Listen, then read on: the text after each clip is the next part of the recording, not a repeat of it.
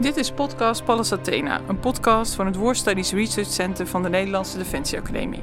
Ik ben Trineke Palm en samen met collega Jurg Nol spreek ik met onderzoekers over hun recente publicaties en belangrijkste onderzoeksresultaten op het gebied van oorlog, conflict, samenwerking en vrede. Vandaag moeten we extra op onze formuleringen letten, want we spreken met een jurist. Maarten Zwanenburg is hoogleraar militair recht aan de faculteit Militaire Wetenschappen en de Universiteit van Amsterdam. Hij was tot voor kort ook werkzaam als senior jurist internationaal recht bij de Directie Juridische Zaken van Buitenlandse Zaken. Een interessante combinatie van theorie en praktijk lijkt ons. Welkom Marten. Dank jullie wel. Fijn om hier te zijn. Wij besparen ons denk ik alle flauwe grapjes over de space en over alle science fiction series, maar gaan rechtstreeks Ja, je hoeft de vraag niet te stellen, nee. Jurgen, van Star Wars of Star Trek. Ja. Daar komt daaruit. Wat vind je leuker, Star Wars of Star Trek? Dat is natuurlijk wel een heel belangrijk. Hier scheidt het koren zich van het kaf. Ja, dat zegt misschien ook iets over mijn leeftijd dan. Hè? Dat is gevaarlijk. Maar nou, als ik echt moest kiezen, dan, eh, dan eh, Star Wars, denk ik.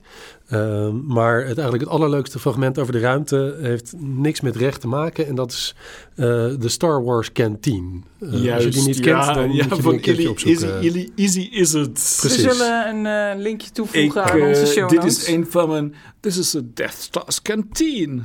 We on the Death Star. Fantastisch. Dit zegt zeker iets over leeftijd, heb ik de indruk. Goed, Marten, we hebben je uitgenodigd vanwege je recente artikel in de Militaire Spectator over oorlogsrecht in de ruimte. En uh, ja, als ik een artikel zie over de ruimte, dan denk ik vooral dat is heel ver weg. Um, en over dat oorlogsrecht komen we dus nog wel te spreken. Als jurist uh, moeten we het daar met jou zeker over hebben. Maar eerst maar eens gewoon het bredere beeld als we het hebben over oorlog, militaire activiteiten in de ruimte. Waar, waar moeten we dan überhaupt over nadenken? Nou, het is misschien goed om te beginnen ietsje breder dan alleen maar militaire activiteiten. Want de ruimte die lijkt inderdaad heel ver weg, maar die is eigenlijk heel dichtbij. In die zin dat we er als maatschappij heel erg afhankelijk van zijn. Zeker een hoog technologische maatschappij als Nederland. Dus denk aan het bankensysteem, dat is grotendeels afhankelijk van de ruimte. Denk aan communicatie, denk aan navigatie. Dat zijn allemaal functies die vanuit de ruimte worden ondersteund. En dat betekent dat ook voor een militaire bedrijf dat de ruimte heel erg belangrijk is. Met name satellieten. Die hebben we nodig voor navigatie, communicatie, doelgeleiding van veel wapensystemen. Gemaakt gebruik van satelliet. Eh, weer bepalen waar de vijand zich bevindt. Nou, en dat is, dat is eigenlijk nu al allemaal, wordt dat gebruikt en zijn we daarvan afhankelijk. Um, en in die zin wordt er wel eens gezegd dat er eigenlijk geen uh, geen militaire operaties meer, mogelijkheid, meer mogelijk zijn zonder gebruik te maken van de ruimte. In ieder geval voor een krijgsmacht als Nederlandse. Uh, en in de toekomst uh, is het verwachtbaar dat er ook steeds meer echt militarisering van de ruimte zal zijn. Dus dat er ook wapens en wellicht basis en dergelijke in de ruimte zullen zijn. Dat is nu nog niet, of in ieder geval maar in beperkte mate het geval. Maar dat is waarschijnlijk wel waar we in de toekomst mee te maken krijgen.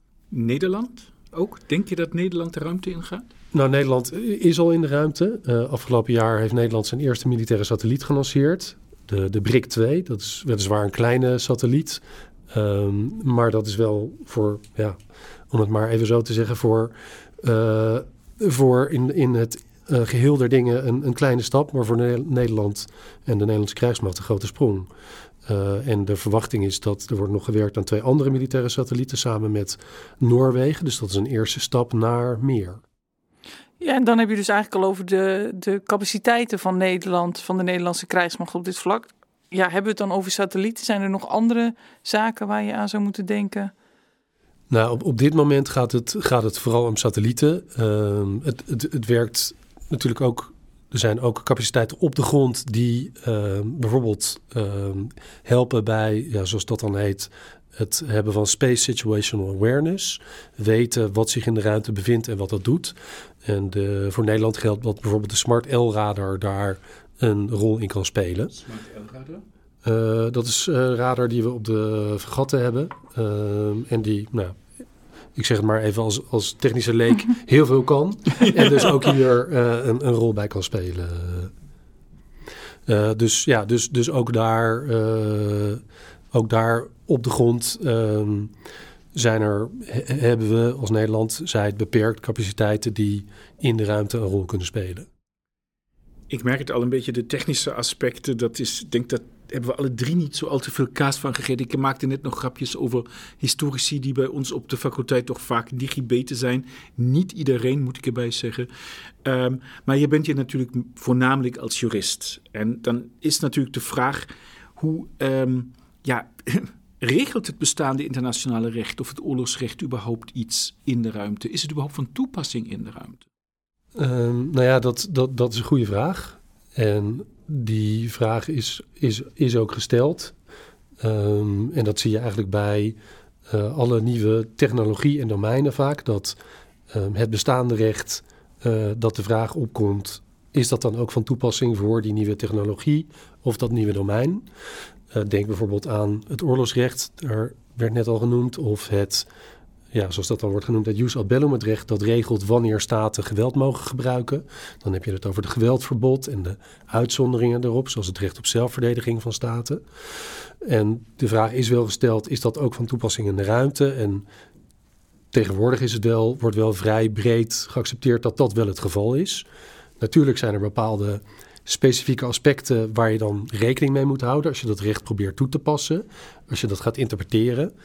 En naast dat meer algemene recht, zoals het oorlogsrecht bijvoorbeeld, heb je nog het ruimterecht. Um, en dat ruimterecht dat bestaat voornamelijk uit vijf verdragen. Het belangrijkste en het eerste verdrag is het zogenoemde Ruimteverdrag uit 1967. En dat recht, dat, of dat verdrag, dat bevat regels voor het gebruik en uh, de exploratie van de ruimte. Um, bevat grotendeels algemene regels die ook van belang kunnen zijn voor militair gebruik van de ruimte. Maar daarnaast bevat het een aantal specifieke regels die uh, beperkingen opleggen aan militair gebruik van de ruimte. Nou en nu zit je hier dus met twee politicologen. En dan is het natuurlijk misschien ook wel handig om eerst eventjes, voordat we hier nog dieper induiken, uh, misschien ook een beetje, nou ja, hoe zeg je dat? Een, een, een, een crashcourse in uh, internationaal of militair recht. Want in je artikel dat je hebt geschreven waarop ons gesprek gebaseerd is, heb je het ook uh, het onderscheid tussen de rechtsgrondslag en het rechtsregime. Voor ons en alle andere niet-juristen. Wat betekent dit? Ja, het onderscheid tussen rechtsgrondslag of rechtsbasis is een andere term. En rechtsregimes, dat is eigenlijk vrij fundamenteel voor mijn vakgebied, het militair recht. Um, en dat ziet op, kort gezegd, het of en het hoe eigenlijk. De rechtsbasis en de rechtsgrondslag is iets wat uh, juridische rechtvaardiging biedt voor geweldgebruik of aanwezigheid van militairen ergens.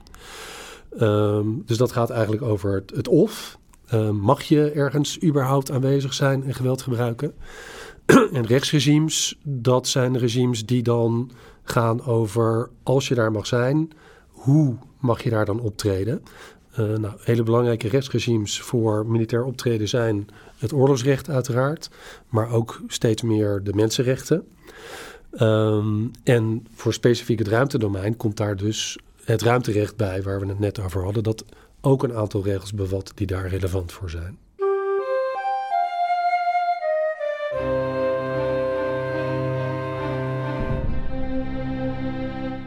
Maar misschien eerst dan die, die rechtsgrondslag. Want dat is natuurlijk eigenlijk de basis voordat je überhaupt door kan met uh, discussies over welk regime van toepassing is. Uh, hè, er zijn natuurlijk hier uh, in het internationaal recht hele specifiek eigenlijk non-interventieprincipe. Het mag niet tenzij. Um, ja, hoe, in hoeverre is dat van toepassing op terrein of ruimte? Of heb je ook echt hele nieuwe vraagstukken? Bijvoorbeeld we denken natuurlijk altijd aan soevereiniteit, is een klassiek principe. Ja, hoe werkt dat in de ruimte? Is dat überhaupt van toepassing? Of moet je met hele nieuwe concepten komen? Um, nou, dat zou, dat, dat zou ik niet zeggen. Maar het is wel zo dat inderdaad um, het, de, kern van het recht dat gaat over rechtsgrondslagen, dat dan ja, vaak met een chique term het jus ad bellum wordt genoemd. Dat is het geweldsverbod. Uh, de staten mogen geen geweld tegen elkaar gebruiken. Dus een beperkt aantal uitzonderingen erop, waaronder het recht op zelfverdediging. En het geweldverbod gaat traditioneel eigenlijk over gebruik van geweld door de ene staat tegen de soevereiniteit of tegen het grondgebied van een andere staat. En dat past niet onmiddellijk lekker met de ruimte, want in de ruimte is het nou juist zo dat er geen grondgebied is. Uh, omdat een belangrijk uitgangspunt van het ruimterecht is dat staten niet een stukje van de ruimte kunnen claimen. De ruimte is van, van niemand en de ruimte is van iedereen. Maar dan komt misschien de politicoloog toch in mij naar boven. Die denkt, ja, dat is dan het recht. Maar um, um, zoals dat ook wel eens eh, geschonden wordt hier... Uh, kan ik me voorstellen dat ja, als het gaat om specifieke grondstoffen, planeet in de ruimte, dat er op een gegeven moment wel iets fysiek, ja, bijna een soort fysiek geclaimd wordt. Mag ik het bijna concreter maken? Want ik, zit, ik heb net de aantekeningen in mijn hoofd gemaakt en op mijn notepad van Arctica en Antarctica. Het, het lijkt een beetje alsof je het bijna zou kunnen deduceren vanuit het spel dat in de Arctica plaatsvindt. Misschien dat de luisteraars nog weten dat Poetin een onderzeeër heeft gestuurd onder de Antarctica, waar een vlag werd geplant uh, op de zeebodem. Daar doet het me wel een beetje aan denken. En dat sluit natuurlijk enorm aan bij de vraag van Trineke. Ja, nou, dat, dat, klopt. Um, en zoals jullie al zeggen, er, uh, er, is, uh, er, er wordt gedacht dat er veel zeldzame grondstoffen in de ruimte zijn, die, die heel waardevol zouden kunnen zijn. Daarnaast is er natuurlijk, zie je dat er in de ruimte enorm veel satellieten worden geplaatst, bijvoorbeeld door een bedrijf als dat van Elon Musk, wat grote economische belangen met zich meebrengt. Um, en met name voor die, dat, dat exploreren van hemellichamen, de ruimtemijnbouw, zoals het dan wel wordt genoemd daar zie je wel dat daar nog niet een heel duidelijk systeem voor is. Het is, het is duidelijk, nou, het is een, een basisregel dat je niet een stukje van de ruimte kan claimen. Maar je ziet wel dat verschillende landen, um, niet altijd de meest voor de hand liggende misschien, de, de VS, maar ook Luxemburg bijvoorbeeld, dat die wetgeving aannemen um, die, uh, ja, die, die dat soort mijnbouw mogelijk maakt. Of althans, dat probeert dat te reguleren. Dus het kleine Luxemburg die probeert op deze manier haar grondgebied uh, ja, het is, het is, niet per se dat dat dan als grondgebied wordt mm. geclaimd, maar dat, er worden dan wel spelregels uitgezet. Maar ja, uiteindelijk moet dat dan natuurlijk wel met elkaar matchen. Want als allerlei landen daar zelf regelgeving voor gaan aan, aannemen, maar ja, dat past niet goed op elkaar, ja, dan is daar zeker een risico op, uh, uh, op, op, ja, op, op uh, wrijving en spanning. Um, en je ziet dus dat daar ook wel over wordt nagedacht. Um, er is een een werkgroep waar het ministerie van Buitenlandse Zaken ook een belangrijke rol in speelt. En de Universiteit Leiden, die heeft zogenaamde building blocks proberen te bedenken voor hoe je met ruimtemijnbouw zou moeten gaan omgaan. Maar ja, dat heeft volgens nog niet geleid tot internationale regelgeving daarover. Heb je uh, voorbeelden voor die fricties of die building blocks die je net zo'n beetje hebt genoemd? Nou, nog, er, nog geen concrete voorbeelden in die zin dat er verschillende ruimtevaartuigen op dezelfde plek zijn en daar uh, fysieke uh, confrontatie ontstaat. Maar je ziet wel dat uh, landen, bepaalde landen die dus wetgeving aannemen, dat andere landen daar kritisch op reageren, omdat ze vinden dat, dat ze daarmee te ver gaan. En bijvoorbeeld de Verenigde Staten, die hebben de, de, de Artemis Accords gelanceerd. Die proberen met zoveel mogelijk landen eigenlijk afspraken te maken die ook hieraan raken. Uh, en andere landen zijn, sommige landen sluiten zich daarbij aan, andere landen zijn er kritisch op, omdat die inderdaad het idee hebben dat, daar, dat hier misschien toch net ja, tegen de randen van uh, het, het recht en de uitgangspunten daarvan, zoals dat nu is, wordt opgebotst. Zitten we nu nog uh, in het, hè, als niet-jurist in het domein van die rechtsgrondslag, of zitten we nu eigenlijk al bewegen we ons een beetje naar de rechtsregime kant. Ja, allebei een beetje, denk ik. Ja, uh... Zijn er nog zaken over, dat, over die rechtsgrondslag waar je zegt, nou, daar moeten we het eigenlijk wel even over hebben. Dit zijn wel een van de centrale punten, discussies die we daar voeren. Um, nou ja, wat, wat, wat, wat wel interessant is, uh, ik zei al, je hebt um, uh, een uitgangspunt van het, van, van het ruimterecht is dat je Ehm, niet een stukje ruimte kan claimen. Uh, het is vrij algemeen geaccepteerd dat het, het geweldverbod geldt en de uitzonderingen daarop. Uh, maar het is wel interessant om te kijken hoe dat dan vorm zou moeten krijgen uh, als je dat concreet gaat toepassen in de ruimte. Dus uh, wanneer kan je precies zeggen dat er geweldgebruik is in de ruimte zoals in, in, de, in de juridische zin van het woord. En wanneer reist dat geweldgebruik tot op het niveau van een gewapende aanval. En een gewapende aanval, als die plaatsvindt op een land, dan mag dat land zichzelf verdedigen op basis van het recht op zelfverdediging. En dat is zeker nog niet uitgekristalliseerd of een, een aanval op, op een satelliet bijvoorbeeld, of, dat, uh, of je dat kan zien als gewapende aanval en of dat. Er zijn heel verschillende mogelijke vormen van aanvallen op satellieten, van het tijdelijk uh, onderjammen van signalen naar en van satellieten, tot het, uh, het verblinden van de satelliet, tot het uitschakelen van um, de zonnepanelen van de satelliet, tot het uh, met een raket uitschakelen van een satelliet. Ja, en waar, waar precies ligt dan die grens? Nou, daar is nog, daar is nog veel discussie over. En ook, wat, wat mag je dan in reactie daarop? nou, dat, daar is nog wel, dat is zeker, zeker nog veel ruimte voor staatspraktijk en voor onderzoek. Komen dan nu de rechtsregimes aan bod? Dus zo bijvoorbeeld het ruimteverdrag. We zijn een beetje versteld, allebei in de voorbereidingen. We wisten niet dat die er waren. Uh, is dit zo'n typisch voorbeeld waarin je dan probeert dit te regelen ook? Kun je trouwens in zo'n verdrag dan ook nou ja, bijna alles regelen? Of misschien laat ons bij het begin beginnen. Hoe is die verdrag ontstaan? Nou, dat, dat, uh, dat denk ik voor politicologen wel interessant. Uh, want het, het ruimteverdrag is dus in 1967 tot, tot, tot stand gekomen. En dat zeer is, goed ja, als ik dit even mag... Uh... Zeker, zeker. uh, in het algemeen en ook niet helemaal toevallig. Dat was ook het eerste jaar dat er een mens in de ruimte eh, werd gestuurd. Um, en het is ook niet toevallig dat het tien jaar was nadat Rusland de eerste satelliet de ruimte in had gestuurd. En met name dat laatste leidde ertoe dat vooral de Sovjet-Unie en uh, de Verenigde Staten destijds, de, de, leiders van de blokken in de Koude Oorlog, dat die zich realiseerden dat er allerlei mogelijkheden waren in de ruimte, civiel en militair, maar daardoor ook allerlei bedreigingen. Uh, en dat ze daardoor allebei de waarde ervan inzagen om daar afspraken over te gaan maken, om te zorgen dat dat enigszins werd gereguleerd. En ze hebben daar allebei de lead ingenomen. Op een gegeven moment had zowel de VS als de Sovjet-Unie hadden een conceptverdrag op tafel gelegd. Uh, nou, en uiteindelijk heeft diplomatiek, diplomatiek er overleg ertoe geleid dat, um, dat daar een verdrag uit is gekomen waar ze allebei happy mee waren. Um, in een aanloop naartoe, daar naartoe, en dat zie je wel vaker bij het ontstaan van verdragen, zie je dat eerst de Verenigde Naties, de Algemene Vergadering, daar een rol in heeft genomen.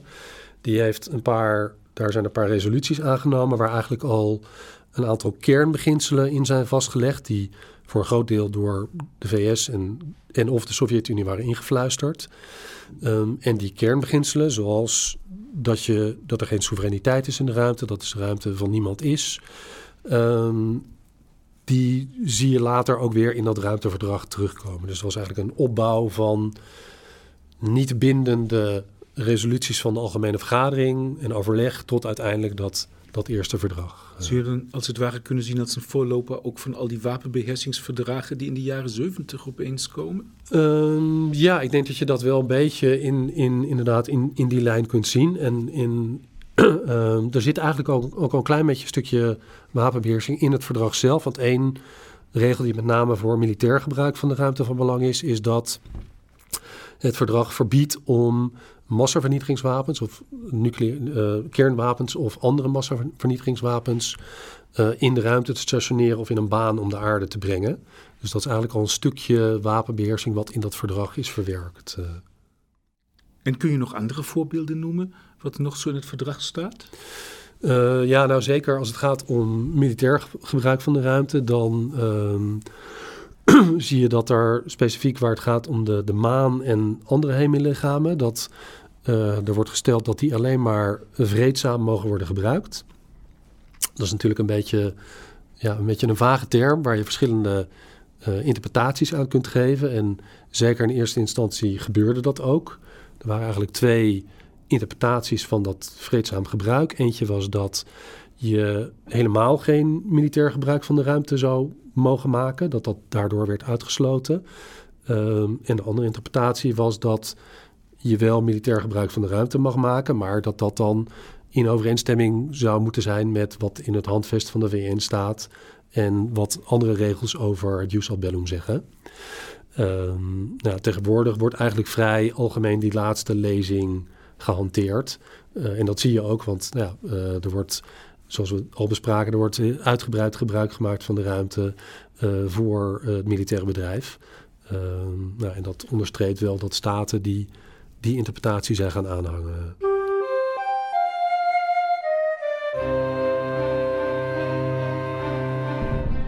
Ja, want je hebt al dat verdrag dus uit 67. Um, um, en je zegt, nou, dat, dat ontwikkelt zich dan een bepaalde kant op met, uh, met inderdaad een toch wat bredere definitie van die vreedzame doeleinden.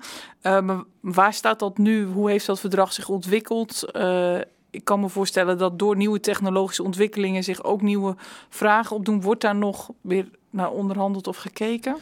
Um, ja, ja en nee. De, het ruimteverdrag was het eerste en belangrijkste verdrag over de ruimte. Daarna zijn er nog vier verdragen bijgekomen. Um, die, veel van die verdragen die werken eigenlijk bepalingen die al in het ruimteverdrag staan verder uit. Uh, een voorbeeld is verdrag over aansprakelijkheid voor activiteiten in de ruimte. Er staat één bepaling in het ruimteverdrag over. En op basis daarvan is, er, is dat uitgewerkt in een verdrag wat alleen maar over aansprakelijkheid gaat. Um, nou ja, die verdragen zijn inmiddels alweer van een aantal jaar geleden. Uh, en je ziet dat de ruimte steeds meer wordt gebruikt. Um, en, en dat er spanningen zijn. Zo, internationale spanningen over het algemeen, maar ook steeds meer spanningen in en rond de ruimte. Uh, wat, wat, ja, wat de vraag opwerpt, hebben we nodig, hebben we nieuwe regels nodig? Of volstaat wat we hebben, misschien met nog wat nadenken over hoe je dat dan moet interpreteren? Um, ja, vooralsnog um, is er niet echt, er is er niet een, een uh, lijkt het er niet op dat we op korte termijn nog nieuwe verdragen krijgen. Er is wel in een aantal jaar geleden door China en uh, Rusland is er een verdrag voorgesteld wat zou gaan over ehm, het voorkomen van een wapenwedloop in de ruimte. En de kern van dat verdrag zou zijn dat, er, dat je geen wapens in de ruimte mag stationeren. Dus het, het ruimteverdrag dat zegt geen massavernietigingswapens, maar dit verdrag zou alle wapens in de ruimte uitbannen. Uh, maar goed, er zijn een aantal staten, en met name de Verenigde Staten, die vrij kritisch daarop hebben gereageerd. Maar dit vind ik dan toch interessant, hè? Want als je denk ik naar ons, als je zou zeggen van nou, dit voorstel ligt er, wie hebben dit voorgesteld? Dan zouden denk ik weinig mensen van ons zeggen, nou, uh, dit is inderdaad een voorstel van China en de VS. Dus waarom zijn de Amerikanen daar zo kritisch op? En, en ook hoe zitten de andere westerse landen zoals Nederland, Europa daarin? Nou ja, ik, um, om te beginnen, ik, ik, denk dat het vanuit het perspectief van, van China en Rusland niet heel gek is. In die zin dat um, uh, China en Rusland maken grote stappen op het gebied van het gebruik van de ruimte en militair gebruik van de ruimte. Maar waarschijnlijk is het wel zo dat de VS daar nog de grootste voorsprong heeft. En dat de VS uh, militair het meest afhankelijk is van de ruimte. Ja. Um, en dan is het dus niet heel gek dat potentiële tegenstanders, of in ieder geval tegenstrevers, um, dat aan banden proberen te leggen. Um, vanuit de VS is een heel belangrijk kritiekpunt, een van de belangrijkste kritiekpunten op dat conceptverdrag, dat er geen bepalingen over verificatie in zijn opgenomen. Waardoor het risico ontstaat dat je, even vanuit het perspectief van de VS, dat je je vastlegt op een verbod op wapens in de ruimte. Maar dat je geen mogelijkheid hebt om te verifiëren of de, de anderen zich daar ook aan ja, houden. Precies, ja, um, en ja, andere, andere westerse landen die, die hebben ook wel kritiek op dat verdrag. Die staan er niet altijd zo geharnast in als, als de VS, maar die hebben ook wel zorgen over dat aspect. Uh, en ook bijvoorbeeld over uh, een, een ander kritiekpunt is dat het verdrag alleen maar gaat over wapens in de ruimte, maar dat het bijvoorbeeld niet gaat over uh, de mogelijkheid dat je vanaf de aarde een raket de, de ruimte inschiet. Een satelliet. Die, een satelliet ja. de lucht uitschiet. En daar is dan weer een link bijvoorbeeld met de recente ja. test van Rusland ja, in november precies. vorig jaar. Ja. Waar, waarbij ze met een raket een eigen satelliet uit de ruimte hebben geschoten. Uh, en daarmee lieten zien dat ze, dat ze die capaciteit hebben. En nu was het een eigen satelliet, maar daarmee zit natuurlijk wel de signaalwerking van dit zouden we ook bij een ander kunnen doen. En ze Precies. kwamen gevaarlijk dicht, blijkt bij andere eh, objecten. Dus dat is natuurlijk sowieso, je zit met heel veel schoot. Nu heb ik, ehm, ja, Trineke, je wist het waarschijnlijk niet, maar nog een andere guilty pleasure. Dat is de, de Amerikaanse serie Space Force. En dat is een heel flauwe serie. Maar een van de laatste, of de laatste aflevering komt dus precies dit aan bod. Men, mag alleen maar conventionele wapens meenemen. En wat gebeurt? De Amerikanen en de Chinezen landen op de maan en men wil elkaar nu een beetje, nou ja, een beetje pesten en zo. En dan zie je dus uiteindelijk dat men elkaar, weet ik wat, wederzijds de raketten eh, onschadelijk maakt. Of dat men de ruimtestations een beetje onschadelijk maakt. En daar staan opeens al die astronauten op de maan. Waarom noem ik dit? Ik kan me voorstellen dat dat ruimterecht natuurlijk in, op den duur ook enorm tegen het humanitaire recht aan het aanschurken is. Want nu stonden die mensen opeens daar zonder de mogelijkheid om naar huis te komen. Dat lijkt me heel erg cru.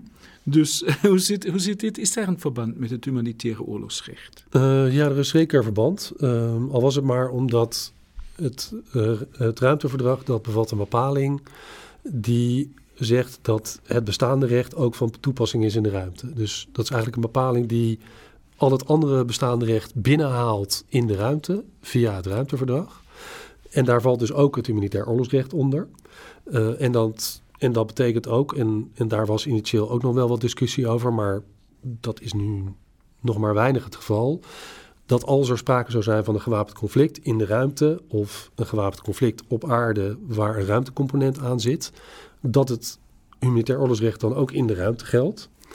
Ehm, voor een deel, ehm, voor een deel is, dat, is, dat, eh, is dat vrij duidelijk hoe dat dan zou werken.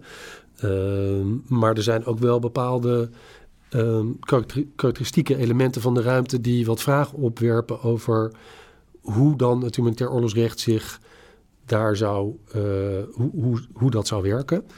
Eh, enerzijds eh, heeft dat te maken met eh, mogelijke spanning met bepalingen in het ruimterecht zelf. Nou, je noemde net al astronauten. Ehm, het ruimteverdrag en er is ook nog een apart verdrag over astronauten. Het uitgangspunt daarvan is dat astronauten zogenaamde envoys of mankind zijn en dat je ze moet beschermen. Ehm, ja, het uitgangspunt van het humanitair oorlogsrecht is dat als iemand deel uitmaakt van de krijgsmacht eh, en hij is niet eh, een medisch of geestelijk verzorger, dan is hij combatant en dan mag hij worden aangevallen door de tegenpartij. Nou ja, dat, dat gaat natuurlijk niet lekker samen. Ehm, stel dat er een, een conflict zou zijn en militaire astronauten in de ruimte zich zouden bevinden. Ehm, dus daar, ja, daar is dan de vraag hoe, nou ja, hoe, hoe werkt dat dan precies? Ehm, sommigen zeggen het, het oorlogsrecht gaat voor en je zou ze mogen aanvallen. Anderen zeggen het ruimterecht gaat voor en ze moeten altijd worden beschermd. En sommigen, en dat is denk ik zelf, ehm, zou wel een, een, is, is een niet onlogische oplossing.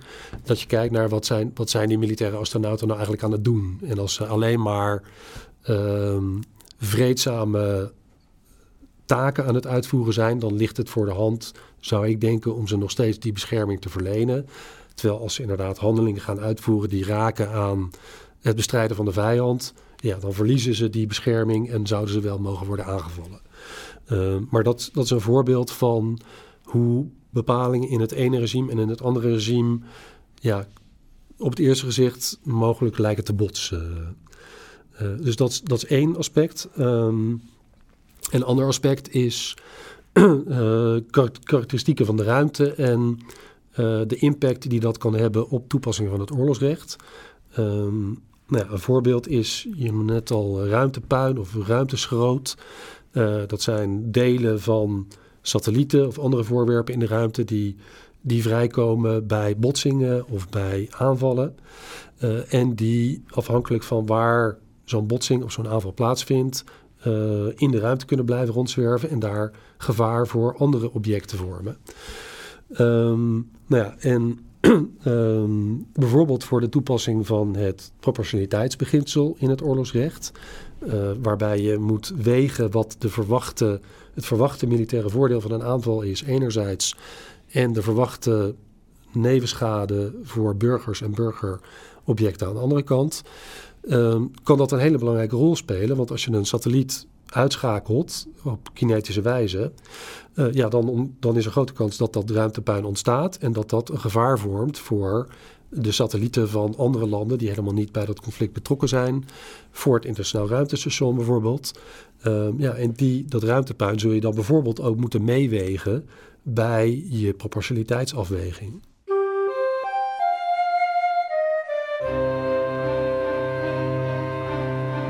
Dankjewel, uh, Marta.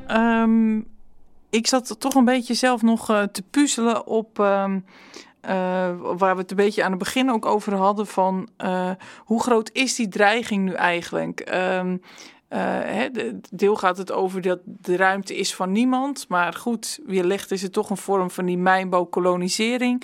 Je hebt het ook gehad over een soort militarisering van de ruimte. Um, ja, wat, welke kant gaan we op? Als ik jou dit zo aan, aan, aan de voorbeelden die zo terloops door dit gesprek naar voren komen, denk ik dat ik voor dit gesprek een stuk uh, naïver en uh, geruststellende, gerustgestelde door het leven ging dan uh, op dit moment. Ja, dat, dat vraag je me een beetje om in mijn glazen bol te kijken. Um... Ja, daar zijn wetenschappers altijd erg beducht voor. Ja, ja, ja. Maar daar is deze podcast ook voor, dus ja. we dagen je uit. Ja, nee, nou, ik, uh, ik, ik denk dat er zeker, dat er zeker uh, risico's zijn. Um, en die, die, diverse risico's. Um, nou, ik noemde al ruimtepuin. Um, dat, er, er is al heel veel ruimtepuin. En er is het risico dat op een gegeven moment er een soort kettingreactie ontstaat. Waardoor er meer ruimtepuin ontstaat. Dat leidt tot botsingen. Daardoor komt er weer meer ruimtepuin. En op een gegeven moment kan je helemaal niet meer de ruimte in dat wordt ook wel het Kessler-syndroom genoemd, naar um, iemand die voor de NASA werkte, die dat, uh, die dat heeft uitgewerkt. Dat zou dan eigenlijk bijna een soort optelsom van acties zijn die een soort ongewenste gevolgen heeft.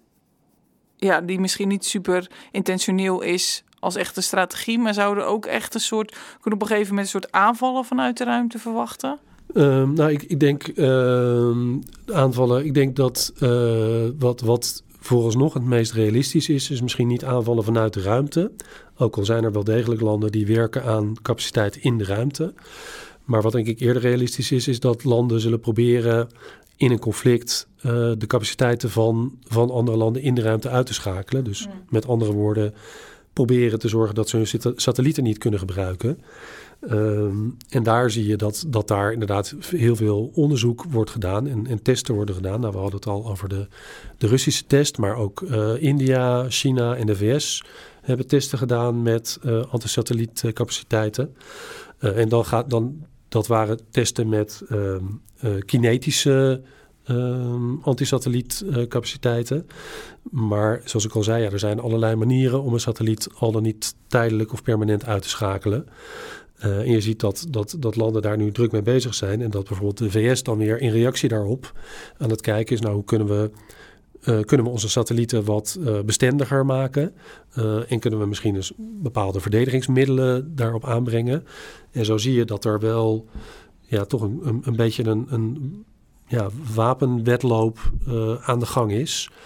Um, en dat als dat zo doorgaat, dat dat, dat inderdaad wel um, tot, tot veel meer militarisering van de ruimte zou kunnen leiden. En, en, en dat kan weer um, leiden tot uh, onbedoelde escalatie op een gegeven moment. Want wat ook een karakteristiek van de ruimte is, is dat het best wel moeilijk is om te weten wat er nou precies in de ruimte gebeurt. Um, ik noemde al uh, Space Situational Awareness. Dat is heel erg belangrijk om te hebben. Wat weten wat er in de ruimte gebeurt en wie doet wat. Maar dat is niet eenvoudig. Um, en dat is nog een ander element wat het risico op, op onbedoelde escalatie in de ruimte uh, vergroot. Omdat misschien een bepaald land iets aan het doen is, uh, onderhoud aan satellieten wat door een ander land verkeerd wordt begrepen. Dat land weet, weet niet wat er precies gebeurt. En als je daar niet goed over communiceert en je weet niet wat er gebeurt, ja, dan, dan kan dat onbedoeld tot, uh, tot escalatie leiden. Nou, dan vind ik dat voor een wetenschapper toch aardig in die glazen bol uh, durft te kijken. dat vind ik ook. En vooral uh, met, ik denk waar je wel iets uh, misschien over kan zeggen als jurist, is namelijk die, die ontwikkelingen aan de juridische kant. Dus hè, je, hebt die, je noemde die ontwikkeling met de verdragen. Uh, maar juist met de geopolitieke situatie die we nu zien, staan die ook bij algemeen ontwapeningsverdragen ook. dat staat allemaal onder druk. Dus wel, welke toekomst is er eh, op dat vlak? Eh? Ja, ik denk dat het een beetje twee, twee kanten op werkt. Je, je hebt gelijk, het, het staat uh, wapenbeheersing en, en, ontwapening staat, staat enerzijds onder druk door de, door de grote geopolitieke spanningen. Waar het gaat om de ruimte, denk ik dat, maar misschien ben ik, ben ik, is, is dat de optimist in mij die spreekt. Denk ik ook wel dat staten zich steeds meer bewust zijn van de risico's. Ehm, en ook de risico's voor, voor henzelf. Dat, dat op een gegeven moment als gevolg van onbedoelde acties niemand meer toegang heeft tot de ruimte. Uh, waardoor je niet alleen militaire capaciteiten verliest, maar ook ja, die grote afhankelijkheid die we als burgermaatschappij van de ruimte hebben uh, in gevaar brengt. Uh, dus ik, ik, ik, ik, ik hoop, en ik denk dat dat niet helemaal uh, wensdenken is, dat ehm, landen ook wel nadenken over hoe kunnen we de risico's beperken. En je, je ziet dat ook wel een beetje. Uh, nou, ik, ik, noemde dat conceptverdrag van China en, en, en, Rusland, wat een beetje wat is voorgesteld een aantal jaar geleden en wat een beetje bleef sudderen, maar niet tot iets geleid heeft. Um, er is um, twee jaar geleden is er in, op initiatief van het Verenigd Koninkrijk een resolutie aangenomen in de algemene vergadering van de VN. Die ging minder over uh, specifieke wapens of objecten die je zou moeten beperken of verbieden. Maar die ging over gedrag in de ruimte. En specifiek over uh, dreigingen in de ruimte en normen, regels en beginselen uh, die daarop van toepassing zouden moeten zijn. Ehm, en dat, uh, dat, heeft, nou, dat heeft ertoe geleid dat een hele hoop landen hun visie daarop hebben aan de secretaris-generaal van de VN hebben gestuurd, uh, waaronder ook Nederland. Uh, en daar waren wel wat rode lijnen in te ontdekken. Um, en vrij recent, uh, eh, 31 december, is er een vervolgresolutie aangenomen die een werkgroep in het leven roept. Um, waar staten daarover moeten gaan praten. Nou, dat klinkt natuurlijk als weer werkgroep van de VN. en gaat er nou wel echt iets uitkomen? Maar Um, als staten dat echt niet willen, dan, dan zorgen ze wel voor dat zo'n resolutie niet wordt aangenomen. Um, dus ik, ik, ik, ik, zie daar toch wel dat, dat staten zich toch wel van de risico's bewust zijn en daar toch wel iets mee willen. Een van de belangrijke vragen die we alle gasten stellen, los van het feit of het juristen zijn of niet, of, uh, uh, is natuurlijk voor ons hier op het prachtige kasteel in Breda. Wat betekent dit voor defensie? Hebben we meer juristen nodig of meer space cowboys? Um, nou, meer, meer, juristen hebben we natuurlijk altijd nodig. Sorry. um, nou, ik denk dat het voor Defensie vooral betekent, en dan, dan, dan uh, trek ik het iets breder, dat, dat dit een onderwerp is waar echt aandacht aan moet worden besteed. En je, je ziet dat er, dat er ook wel steeds meer aandacht voor komt. Um, in de defensievisie zie je dat er uh, wat over de, de ruimte wordt gezegd. Uh, er is een tijdje geleden al toegezegd dat er een uh, ruimtestrategie zou komen. Dat is inmiddels een ruimteagenda geworden. Die, die is nog niet verschenen, maar die gaat er nog wel komen. Um, en je ziet ook dat er, zei het niet heel veel, wel een beetje, beetje capaciteit is. Er is een Space Security Center bij, bij de luchtmacht. Met, een, met, een, met een handvol mensen die zich daarmee bezighouden. Um, en dat is dan echt Nederlands? Of trekken we daarin ook een beetje Europees op? Want dat is misschien mm. mijn hobby horse. Maar uh, dat ik denk van nou, als we het over de VS, China, Rusland, India hebben, kunnen we, is dit echt iets voor Nederland of moeten we echt Europees denken? Nou, dit, dit, dit, dit is Nederland, maar uh, die werken wel samen met uh, soortgelijke clubs in, in andere landen. Um, de, de, Verenigde Staten, dat, dat ligt denk ik voor de hand. Die hebben, ja, die, die hebben gewoon heel veel capaciteit. Uh, maar ook met andere landen. Ik noemde al uh, Noorwegen. Er wordt gewerkt aan twee uh, militaire satellieten samen met Noorwegen.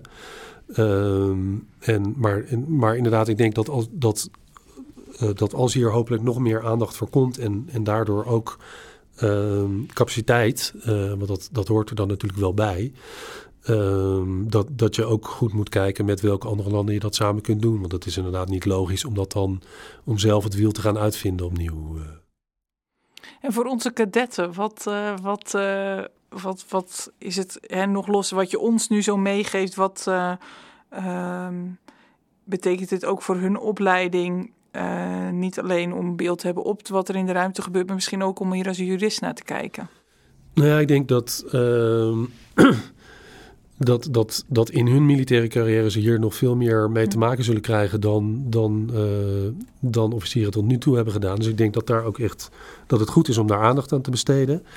Bij het onderwijs is het natuurlijk zo dat er altijd duizend interessante onderwerpen zijn En, en, en duizend belangrijke onderwerpen en dat niet alles aan bod kan komen. Maar om mijn eigen onderwijs als voorbeeld te nemen, ik, dit is wel iets wat ik nu in mijn onderwijs inderdaad meeneem. Ehm, om, om, om kadetten en adelborsten en, en ook de masterstudenten erop te wijzen. Luister, dit, dit speelt en dit gaat ook voor de Nederlandse krijgsmacht steeds belangrijker worden. En daar zitten in belangrijke, maar ook interessante juridische vragen aan. Um, nou ja, zoals bijvoorbeeld uh, een van de masterstudenten, die gaat zijn scriptie schrijven over uh, antisatellietkapaciteit en uh, zelfverdediging in de ruimte. En die gaat dus kijken naar vragen waar we het net al over hadden. Wanneer, wanneer is er nou sprake van een gewapende aanval in de ruimte? Wanneer ga je die grens over? Um, op, op, uh, als je een satelliet aanvalt, een satelliet ehm, die uh, is, vaak, die is in een land geregistreerd, maar er kunnen allerlei delen in zitten die van verschillende landen zijn of die door verschillende landen worden gebruikt.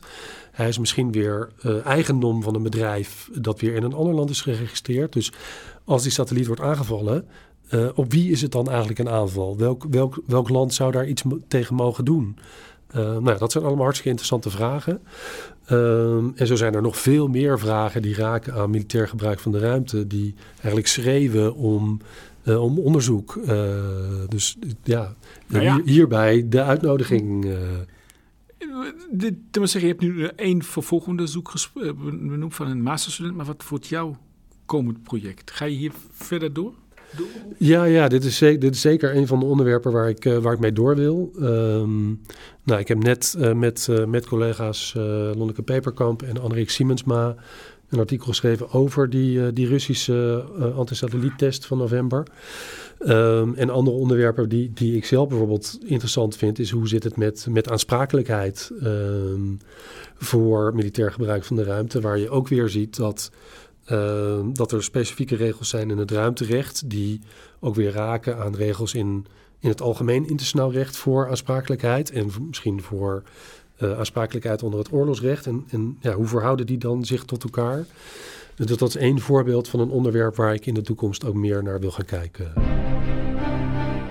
Dit was Pallas Athena. Vandaag spraken we met Maarten Zwanenburg en met hem spraken we over de oneindige ruimte en de mogelijke grenzen die het ruimterecht aan zijn gebruik kan stellen. Ook al stamt de eerste verdrag uit 1967 is het volop in beweging, mede door de technische en recente politieke ontwikkelingen. Jij hebt ons hier heel veel wijzer gemaakt, Maarten. Veel dank hiervoor. Dankjewel, graag gedaan.